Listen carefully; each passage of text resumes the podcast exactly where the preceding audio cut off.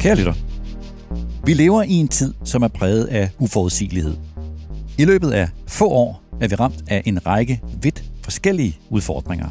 Vi har oplevet en coronapandemi, vi har presset forsyningskæder, vi har en krig i Ukraine, vi har højere inflation og højere renter, og vi har en energikrise. Vi ved godt, at i sådan en tid, i en krise, der gælder det også om at se muligheder. Om at tænke offensivt, om ikke at lade sig presse i defensiven, men tværtimod om at tage et ryg, hvor man distancerer sig fra sine konkurrenter. Det er nemmere sagt end gjort. Så hvordan gør man det? Hvad er det for en tankegang, et mindset, man bør forsøge at gå efter i sådan en situation? Det taler jeg med Roger Martin om. Roger Martin er en af de bedste business-tænkere i verden. For fem år siden blev han faktisk kåret som den bedste business-tænker i verden af Thinkers 50. Han er tidligere professor, han skriver fast i Harvard Business Review, han har skrevet en række strategibøger, blandt andet Playing to Win, som mange lyttere vil kende, og han rådgiver nogle af verdens største virksomheder, og så har han i en del år rådgivet Danske Lego og også Kirkby. Roger Martin var i Danmark forleden. Anledningen var hans nye bog, som hedder A New Way to Think, og som er et bud på, hvordan man som leder hele tiden bør udfordre sin traditionelle måde at tænke på. Det som Roger Martin kalder for mental models. Jeg havde fornøjelsen af at være sammen med Roger Martin over to dage, som moderator, først i Aarhus og så i København. Og en stor tak til Claus Mosbæk fra Dawn Live, som inviterede mig. Og også tak for en sjov og lærerig køretur fra Aarhus til København med Roger Martin og hans hustru Marie-Louise Skafte. Undervejs havde vi besøg af Roger Martin og Marie-Louise Skafte her i Møntergade. Og her taler jeg med Roger Martin om i alt fire temaer i optagelsen. Først en kort introduktion til hans kritik af de traditionelle måder at tænke på, og med to eksempler om data, hvor han opfordrer til, at man i langt højere grad bruger sin imagination, og om kunder, hvor han mener, at mange misforstår kundernes loyalitet, som i virkeligheden handler om kundernes vanetænkning. Dernæst taler vi om tre temaer, om tiden, som vi lever i, at vores tid ikke er mere uforudsigelig eller mere vanskelig end tidligere tider. Om robusthed, hvor Roger Martin var en af de allerførste, som da corona ramte, så at mange års jagt på effektivitet havde gjort både virksomheder og nationer sårbare. Og om de kompetencer, som moderne ledere har brug for at tillære sig, fordi de ikke lærte dem dengang, da de sad på skolebænken. Velkommen til Topchefernes Strategi.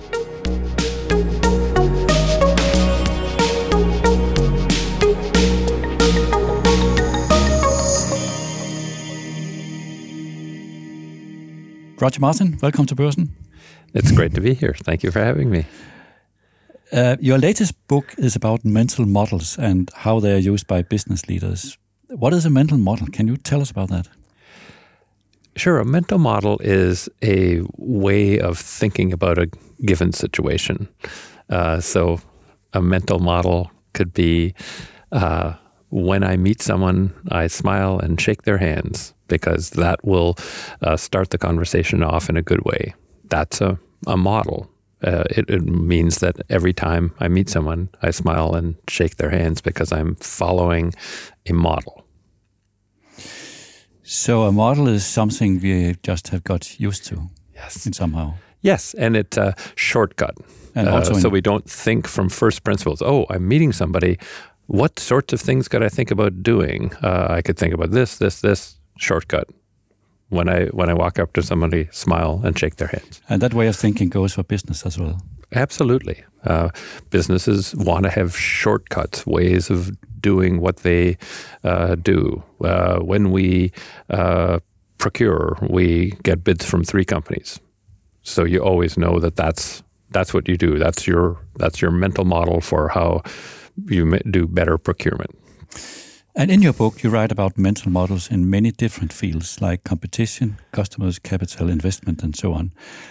How did these mental models become so popular? Why are they so Why are they so dominating in our way of thinking and our way of doing business? Well, I think if a person reads the book, they will say that each of the 14 models that I talk about and criticize makes some amount of sense. So I think to get into widespread use, a model has to make some sense. Um, and it has to simplify the world, which is what models do. They give you a shortcut, a simplification of the world. Um, and that seemingly is enough for some models to get quite entrenched. Uh, they don't necessarily have to work well for for them to be entrenched, or at least that's my observation from the work behind the book. But somehow these models they have worked. They have created value. Some of them, some of them I don't think have, but uh, they it is hard to be sure that they haven't created any value.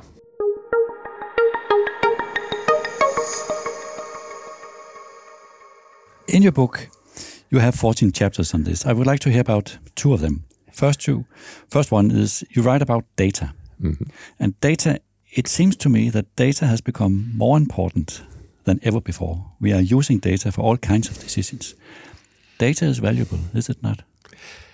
It is. It, it for sure is, but it is not universally valuable.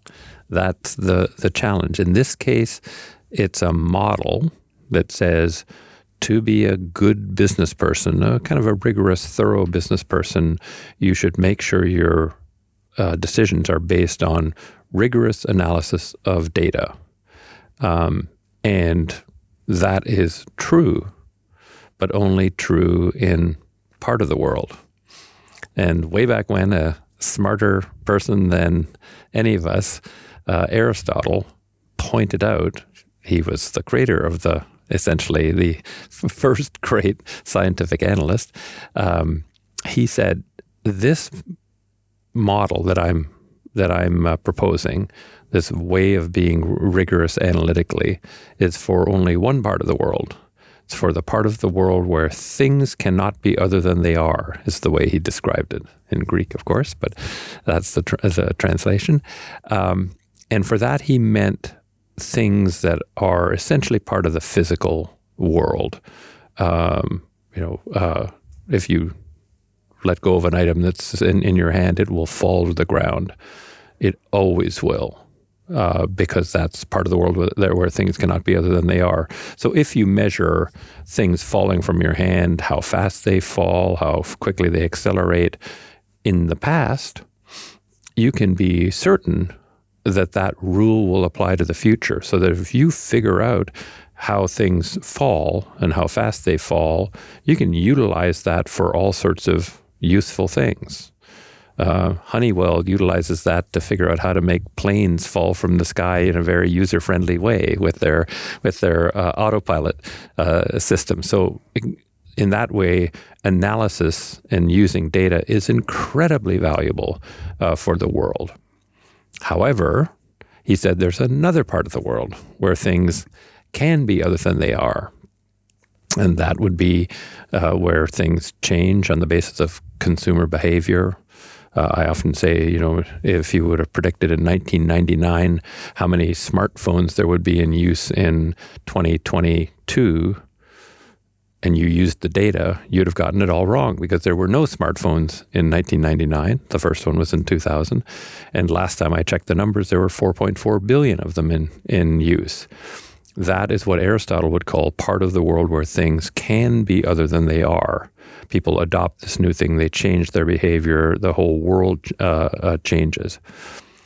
And in that part of the world, the fellow who invented science, Aristotle, issued a warning that the world has ignored entirely.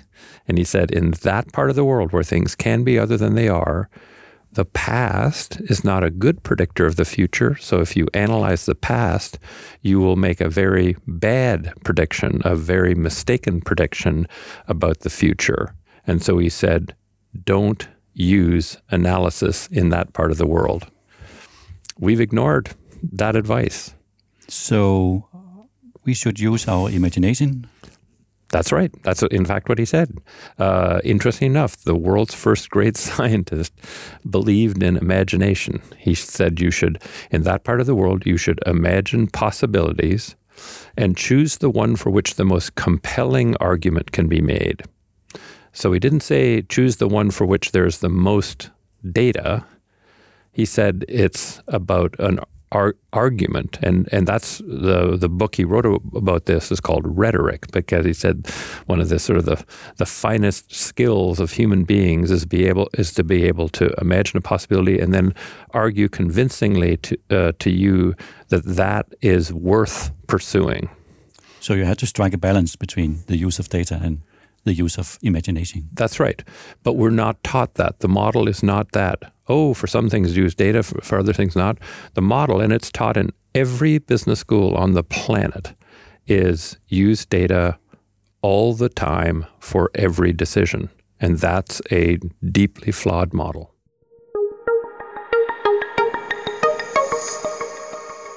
Another example in your book is customer. Mm-hmm. And I guess serving customers is about creating customer loyalty, isn't it? Well, n- no. I mean, yes and no. So uh, the the mistake here with the model is that the focus is on the consciousness of the customer. So loyalty is a conscious concept. No, loyalty is Niels going to the uh, the the supermarket and wanting to buy some detergent, and and you pick Ariel uh, and instead of Persil, let's let's say, and the the thought is that Niels is consciously making a decision because he feels consciously loyal to uh, uh, Ariel uh, because he's used it before it just turns out that all the behavioral research that's been done over the last 20 years demonstrates that a much more powerful driver of your behavior is something unconscious, uh, your habit. And essentially, what your subconscious is saying to you as you walk down that aisle, Niels, we are really comfortable with and familiar with that one in the white bottle, that Ariel, not that blue one, uh, Persil. I don't know about that one. Makes me feel nervous because I'm not comfortable and familiar with it. And you almost like a robot dump the the uh, uh, the Ariel into your uh, shopping uh, basket. Um, and and so thinking about how are we creating a habit and then making sure we don't do anything to undermine the habit is more fruitful and productive than thinking about how can we consciously keep telling uh, Niels you should be loyal to this uh, product. And when I change a product, makes it the quality much more much better. I have to be very much aware of exactly this that I do don't over overdo it uh, to the customer. Yeah, absolutely. So, for example, uh, history would show that if you came up with the fantastic new formulation of of Ariel that cleans way better, and you run a bunch of ad copy on how this new technology is so much better, and put it in a green bottle or an or a or, a yellow bottle, uh, your sales would do terribly and you just say, holy smokes, we've got these loyal customers who are loyal to our brand, and we've just told them with our ad copy, all the, the TV commercials that we're running, that this Ariel is way better than the Ariel that you're already loyal to. You'd think sales would be fantastic. But the subconscious is saying, white bottle, green lettering, white bottle, green lettering. I don't see it anywhere. Oh my God they've taken away my product. It's gone. It's extinguished. So now I've got to think afresh. Uh, what do I want? Well, maybe this blue one, this Persil. Uh, you know, who who knows? Yellow, blue, green. None of them mean anything to me. White with with green letter. That's what that's what my detergent is. What if I am a disruptor? If I'm Netflix and the customers are used to Blockbuster, how can I overcome this barrier? Well, it, it's to have a, a a product that does solve a problem for your uh, for your customers, right? And this solved a problem by saying you don't have to go out of your house. We will mail a DVD to your your door, and so that that gives the customer a reason to say, you know, I'm going to give this a try.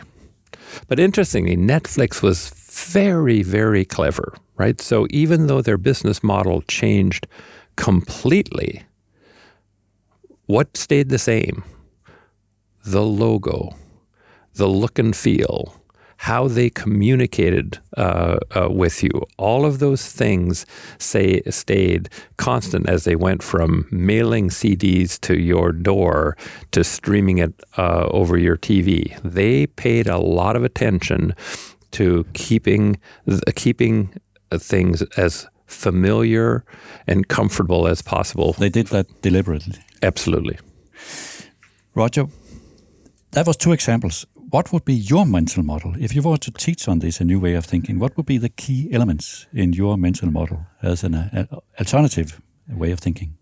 Well, it, it would be the model would be of ownership, right? I would I would say keep this in mind, right? If you try a model and it doesn't produce the results that you predicted, and you keep owning, you keep using the model anyway, then I would say the model owns you. It controls you. It's got some sort of, it's like the mafia controls, has, has got a contract out on you if you don't do what they do what they say. It, it owns you. Instead, you should think of owning your models, right? Like you own any any other thing. You should think uh, think that if this doesn't work the way I expected it to work, I should put it on probation. Maybe I'll try it once more. Uh, but if it if it uh, stops working, I own it and I can dismiss it uh, and and try something else. Yeah, so you, you write in the book some in the beginning that a, a, a clear sign of insanity is to to use the same model over and over again and, and hope for a different result. Yes, absolutely.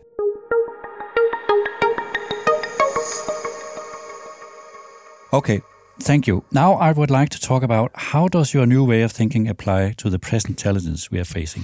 We are experiencing COVID-19, supply chain disruption, war in Ukraine, high inflation, higher interest rates, energy crisis. All of this happened within less than three years. So I have three questions on this.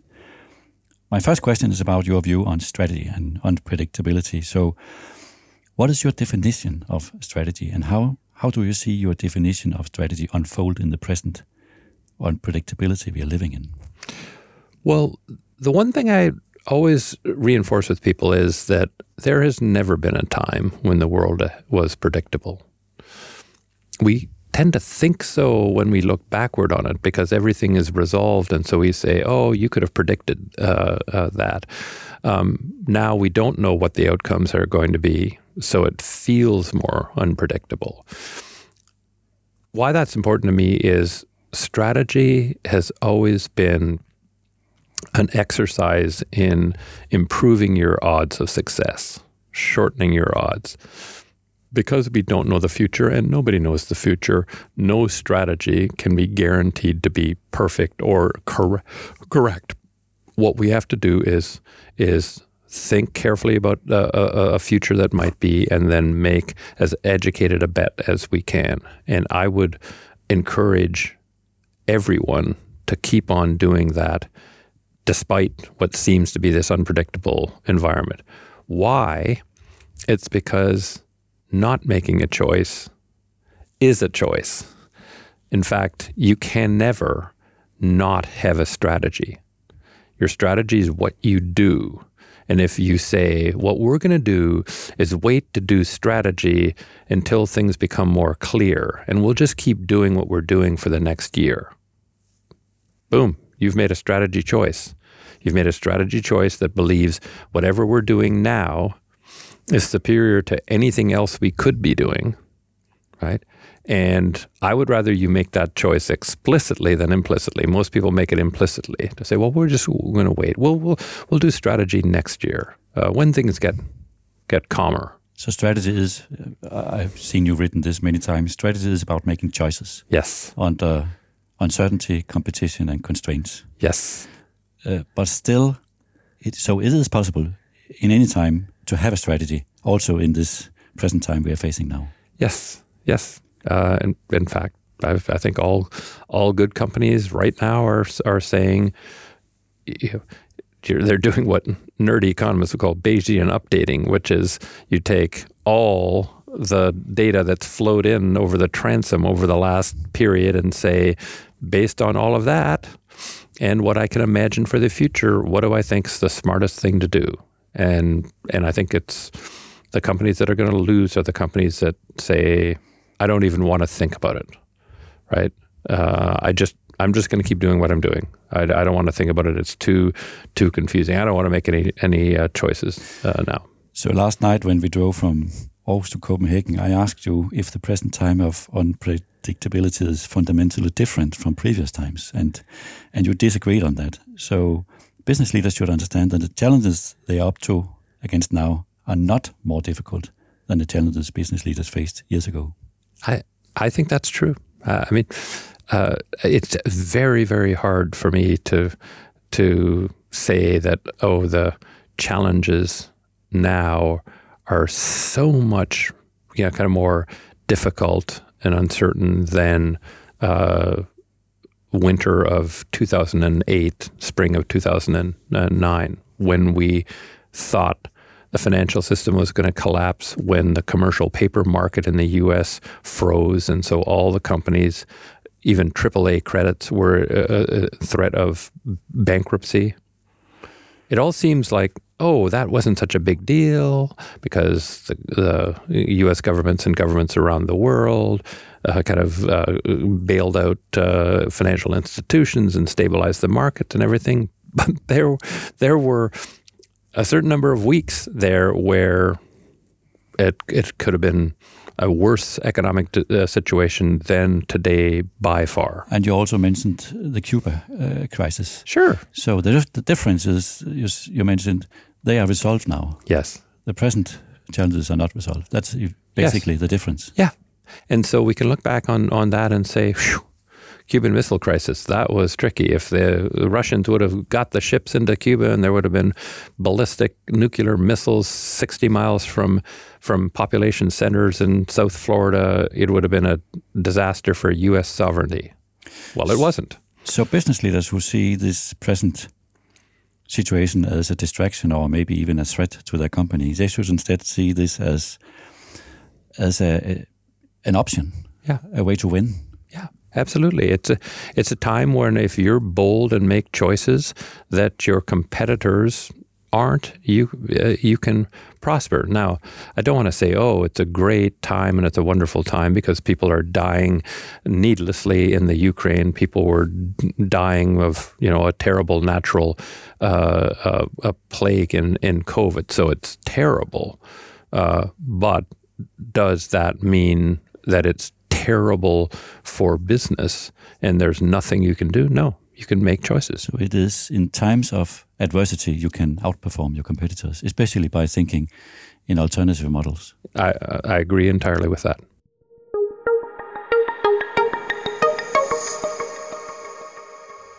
Okay, thank you, Roger. So, my second question is about resilience as an example of this discussion. And I think one of the most important discussions for companies and for nations the last three years has been resiliency. So, when COVID 19 hit, we all realized that many years of hard work to be effective, outsourcing, long global supply chains, low inventory, few suppliers had created value but also had made us vulnerable. And you, you were the first I saw who came up with this observation. I read it in your earlier book, When More Is Not Better. This has profound consequences, and we are still struggling with this challenge how to become more resilient without losing competitiveness. So, this observation came as a surprise for many of us. You saw it. Can you elaborate on this? How did you see this coming? Well, I, I I always worry about sort of models that say more of something is is better. Um, right? You, you know, ice cream, you know, for a while, more is better. It's one of my lovely wife's favorite things in life is is is ice cream.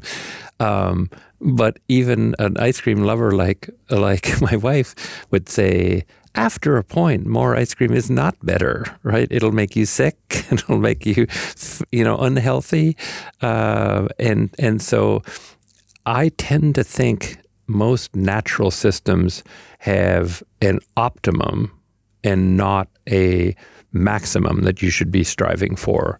And so as I watched business, because I've been involved in business since you know since the early uh, uh, 80s, and you know in the 82 recession and the 91 uh, uh, recession and the 2001-2 downturn and the 2008-9, I just watched companies keep on saying we got to be more and more and more efficient. We got to chop out this and this and this and this and this, as if the farther out on that curve you go towards more efficiency, it's just obviously better. So let's keep going. That that kind of system to me feels unnatural. I'm always interested in what what systems have have these sort of more natural rather than artificial constructs, and it always seemed to me that, well, you want a certain amount of resilience that could be classified as inefficiency. Uh, if you have too much of that, you'll go out of business.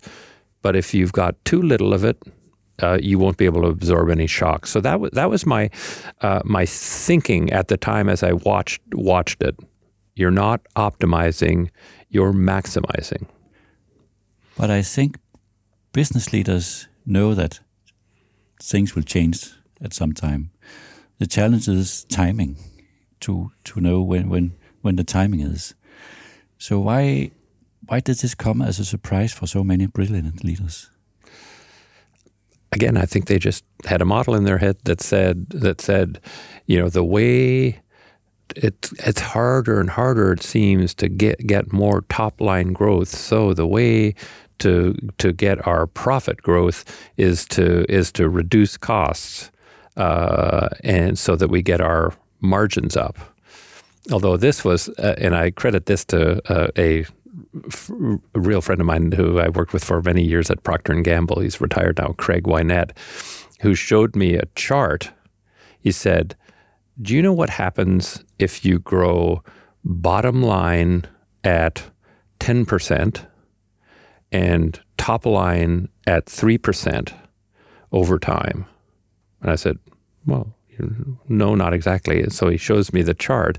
And if you went out in his chart, I think it was 15 years, uh, bottom line is higher than top line i.e., your profit margin is more than is more than your sales, which is an impossibility. Yet many CEOs go to Wall Street and say, "Well, you know, our guidance for top line is uh, is three to five percent, and for bottom line it is ten to fifteen percent because we're doing all this cost reduction and and, and the like." But once again, that's artificial. It doesn't it doesn't uh, uh, kind of take into account uh, the basic economics of the business. You can't keep doing that. And so so I think a lot of otherwise smart business people get into into the mantra of Wall Street wants more bottom line growth, faster bottom line growth than top line growth, and so that's what we have to deliver, even though you can't uh, uh, for long. So Wall Street have a, has a built-in logic which prevent them in seeing things like like this uh, resilience discussion? Not necessarily. Like Wall Wall Street uh, has no morals, no nothing. Right? It it it exists to exploit fluctuation. So Wall Street, the notion is Wall Street wants stocks to go up. Not true at all. That's not how they make money they make money when stocks go back and forth, right? And so listening to Wall Street as as some kind of arbiter of are you doing good things for the, your company? That's not their incentive system at all. They couldn't care less. All they care is they can make money trading as you go up, down, up, down, up, uh, uh, down. And in fact, if you, if all companies in the world went stably up forever, Wall Street would be impoverished. But still, Wall Street is also embracing what we call stakeholder value, creating value not only for shareholders but also for society. I don't think so. What evidence do you have that Wall Street is? I mean, I think society is, and, and people like the you know the U.S. Business Roundtable famously did that. But what evidence have you said that Wall Street has any interest whatsoever in anything that's good for society? But isn't it so today that you need a license to operate, and that not given by Wall Street? No, but Wall Street, uh, Wall Street haven't they been forced to accept this uh, this way of thinking? Okay, so that's a little bit different than Wall Street supports, right? Like Wall Street, Wall Street said a gun put to its head and said, "Don't be so, so sort of you know narrow-minded and, and whatever." And they're saying, "Okay, okay, rather than shoot me, I'll I'll claim that I care about it." I, I think the best way to think everybody's gonna, gonna have in business is gonna have a way of making money. Wall Street makes money more from the misfortunes of the rest of the world than from the fortunes of the rest of the world, and so I don't pay any attention. Uh, to what Wall Street is interested in. In fact, I, I mean, my encouragement to to executives is is essentially try to ignore them to the extent possible, and never ever, ever go to Wall Street and say, look what a great quarter we had.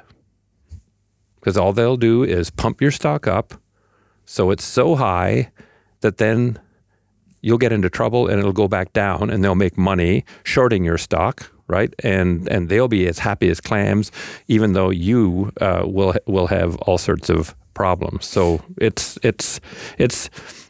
I used to believe I, I, I believe that probably from um, the early 1900s to maybe 1980, maybe 1990, the U.S. capital markets were a huge advantage over all other countries on the face of the planet whose capital markets weren't as advantageous for company growth.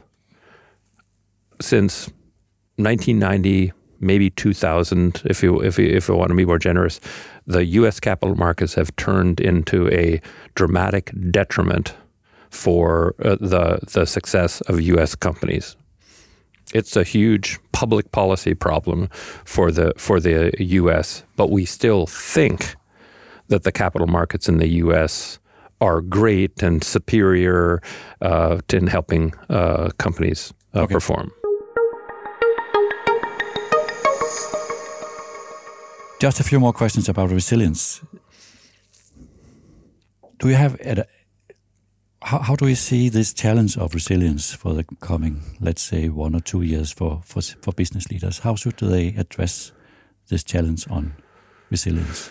Well, I, I generally am not into like you know ninety degree sharp sharp turns. I like I think if if uh, companies of said, oh, we're going to throw out all other considerations and think only of resilience because we got burned here, I, I would just say start paying more attention to it. Build your resilience uh, slowly. Uh, have multiple sources of of raw materials you know, have shorter uh, supply lines. Um, don't think about if we don't know what employee X is doing for eight hours a day right now, fire him or her because he or she is redundant. Just don't say, Let, let's just watch.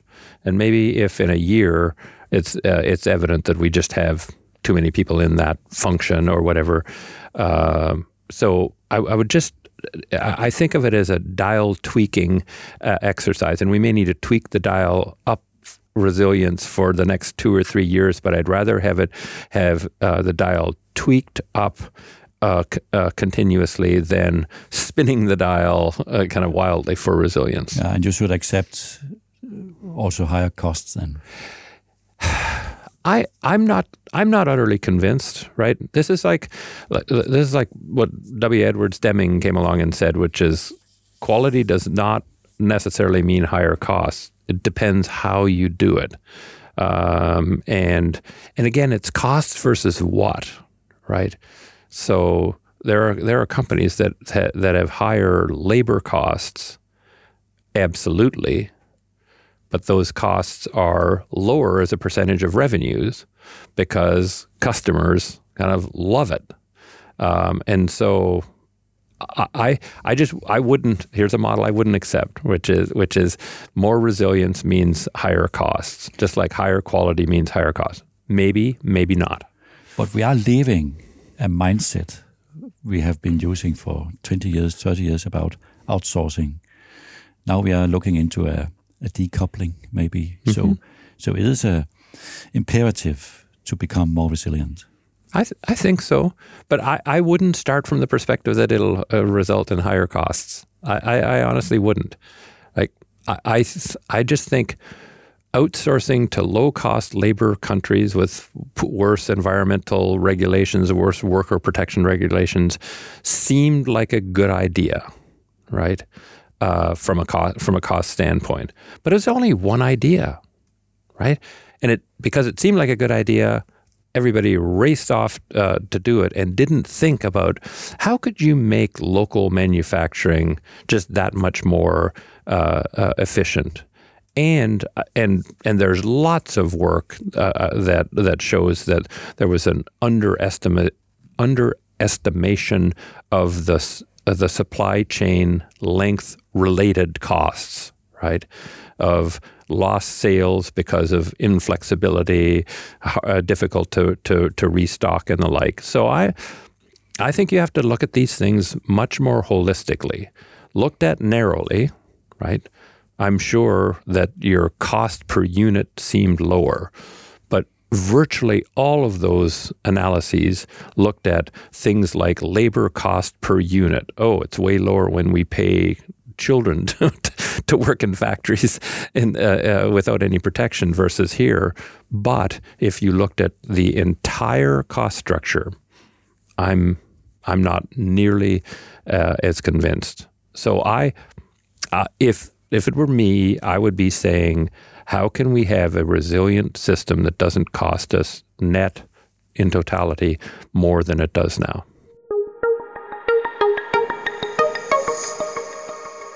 My third question, and last question, is about capabilities. Oh. Your book is very critical towards the way MBA programs work. And we have this generation of business leaders who have been trained in KPIs, Excel spreadsheets, and financial numbers.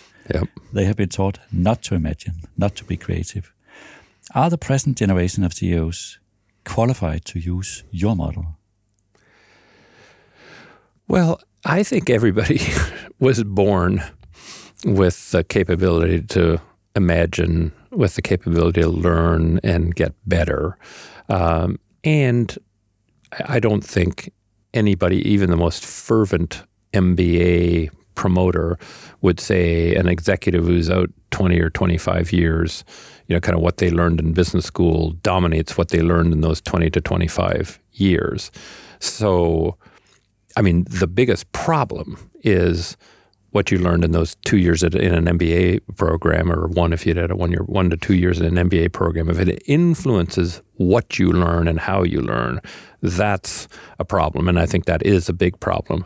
But any executive who wants to look at the world, how it really works, look how great strategies come to be with imagination, can learn post school how to how to operate that way, how to be that way. So I don't think it's a lost cause.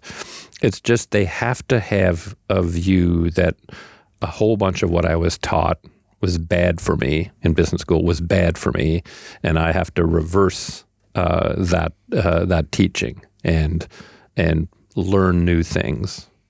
Uh, you know, I wrote the book with A.G. A.G. Lafley, playing playing to win, great CEO of Procter and Gamble he says he learned so much when he was running Asia Pacific out of Kobe, Japan, uh, about design and how much the really fine nuances of packaging and and and the like that the Japanese consumer you know, kind of really insisted on that, rewarded it, etc. And you know, when he took over as CEO, he brought in IDEO, the great design firm, made design a priority at, at Procter and Gamble. Kind of why? It's because, in my view, because it's the kind of guy AG was, he didn't think he knew everything because he was an EVP of, of, of Procter and Gamble. He could learn something from his environment. So I would say, I would say to this generation of managers, don't assume that you learned the right stuff in your business program.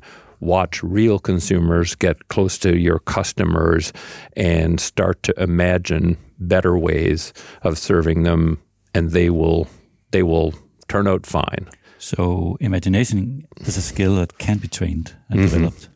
Absolutely, I I I believe it. I believe we have some natural in us, but essentially in business, it's an imagination as an applied art. Like it's not a fine art, it's an applied art, and it has to be applied to a medium. And so the imagination you were born with as a child is sort of uh, naive, general imagination. And and what you need to do is is learn the art of applying that to the medium in which you're working. Consumer packaged goods technology telecom uh, whatever but it is absolutely learnable by anyone. I wonder if a relevant skill as a leader is that you must be okay with feeling uncomfortable that you are prepared to show that you're also vulnerable and you are in doubt sometimes. Yeah i i think so. Uh, uh i mean I think it's transitory to a certain degree, right? When you feel comfortable being uncomfortable for long enough, there is no such thing as uncomfortable, right? Uh, it's just the way things are. It's like fish in water. They don't spend a lot of time thinking about water. It's just what it is. And and if you recognize you live in a, in this uncertain world where you do not know the future, you can't make perfect choices. You just get comfortable with the idea that as long as I can make a choice that's aimed at being better than I was yesterday, uh, and then see whether that works out well and adjust as as we go along, then then I think that does become kind of your life and it doesn't sort of feel like I've got to wake up every morning and I got to do things that make me feel uncomfortable. But when I see Danish CEOs, I I see people in my own generation, and they they are like you describe them from the MBA programs. Mm. They are very focused on KPIs and yeah. financial numbers. I don't see them as very imaginative. Do you see uh, we need a new generation um, in the coming years as business leaders? Well, I mean, I always have.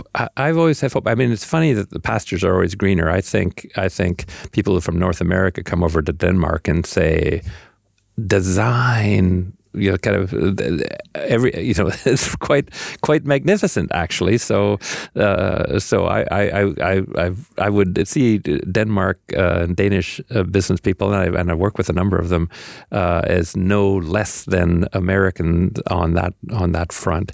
Um, I do believe that with each generation that comes into the business world, you know, they upset things. They kind of jostle the people who are who are there. They challenge them, and so I, I think it's a good thing. It's renewal, um, and I mean this with with how kind of fast technologies are integrating into the into the environment. They tend to be more technologically kind of comfortable, sophisticated, advanced than the previous generation, which is more than the previous generation. So they bring uh, bring that to bear. So I, I guess I always I always welcome it, but my my kind of underlying view is that is that people are learning machines if they open themselves to learning. And I wouldn't say that this generation you know can't do this or can't do that. I uh, I think I think they can, but they sometimes need encouragement. And and the book, you know, what, what we've been talking about, is meant to be an encouragement. It's sort of these are 14 that you've been taught. It's sort of not your fault. You've been taught these either formally in business education or in the company that you're operating in.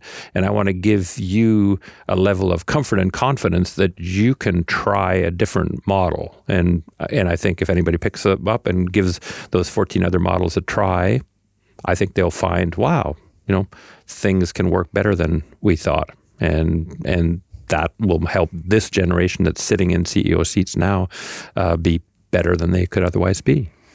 Roger, congratulations on your new book and thank you. Thank you for having me. This has been a fun conversation.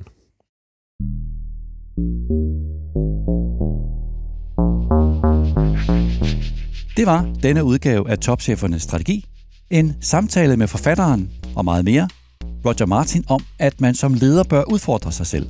Om at man ikke bør sidde fast i sin traditionelle måde at tænke på. Og at netop det er vejen til at kunne udvikle sin virksomhed også i en uforudsigelig og svær tid, som den vi lever i nu. Hvis du, kære lytter, vil vide mere om det, så kan jeg anbefale hans nye bog, A New Way to Think. Den er nem at læse, og den er skrevet, så selv jeg kan forstå den. Du kan også læse en artikel i børsen, hvor jeg i vores perspektivformat forsøger at samle tankerne i interviewet. Tak til Roger Martin. Tak til Peter Emil Witt, der redigerede udsendelsen. Og tak til dig, der lyttede med.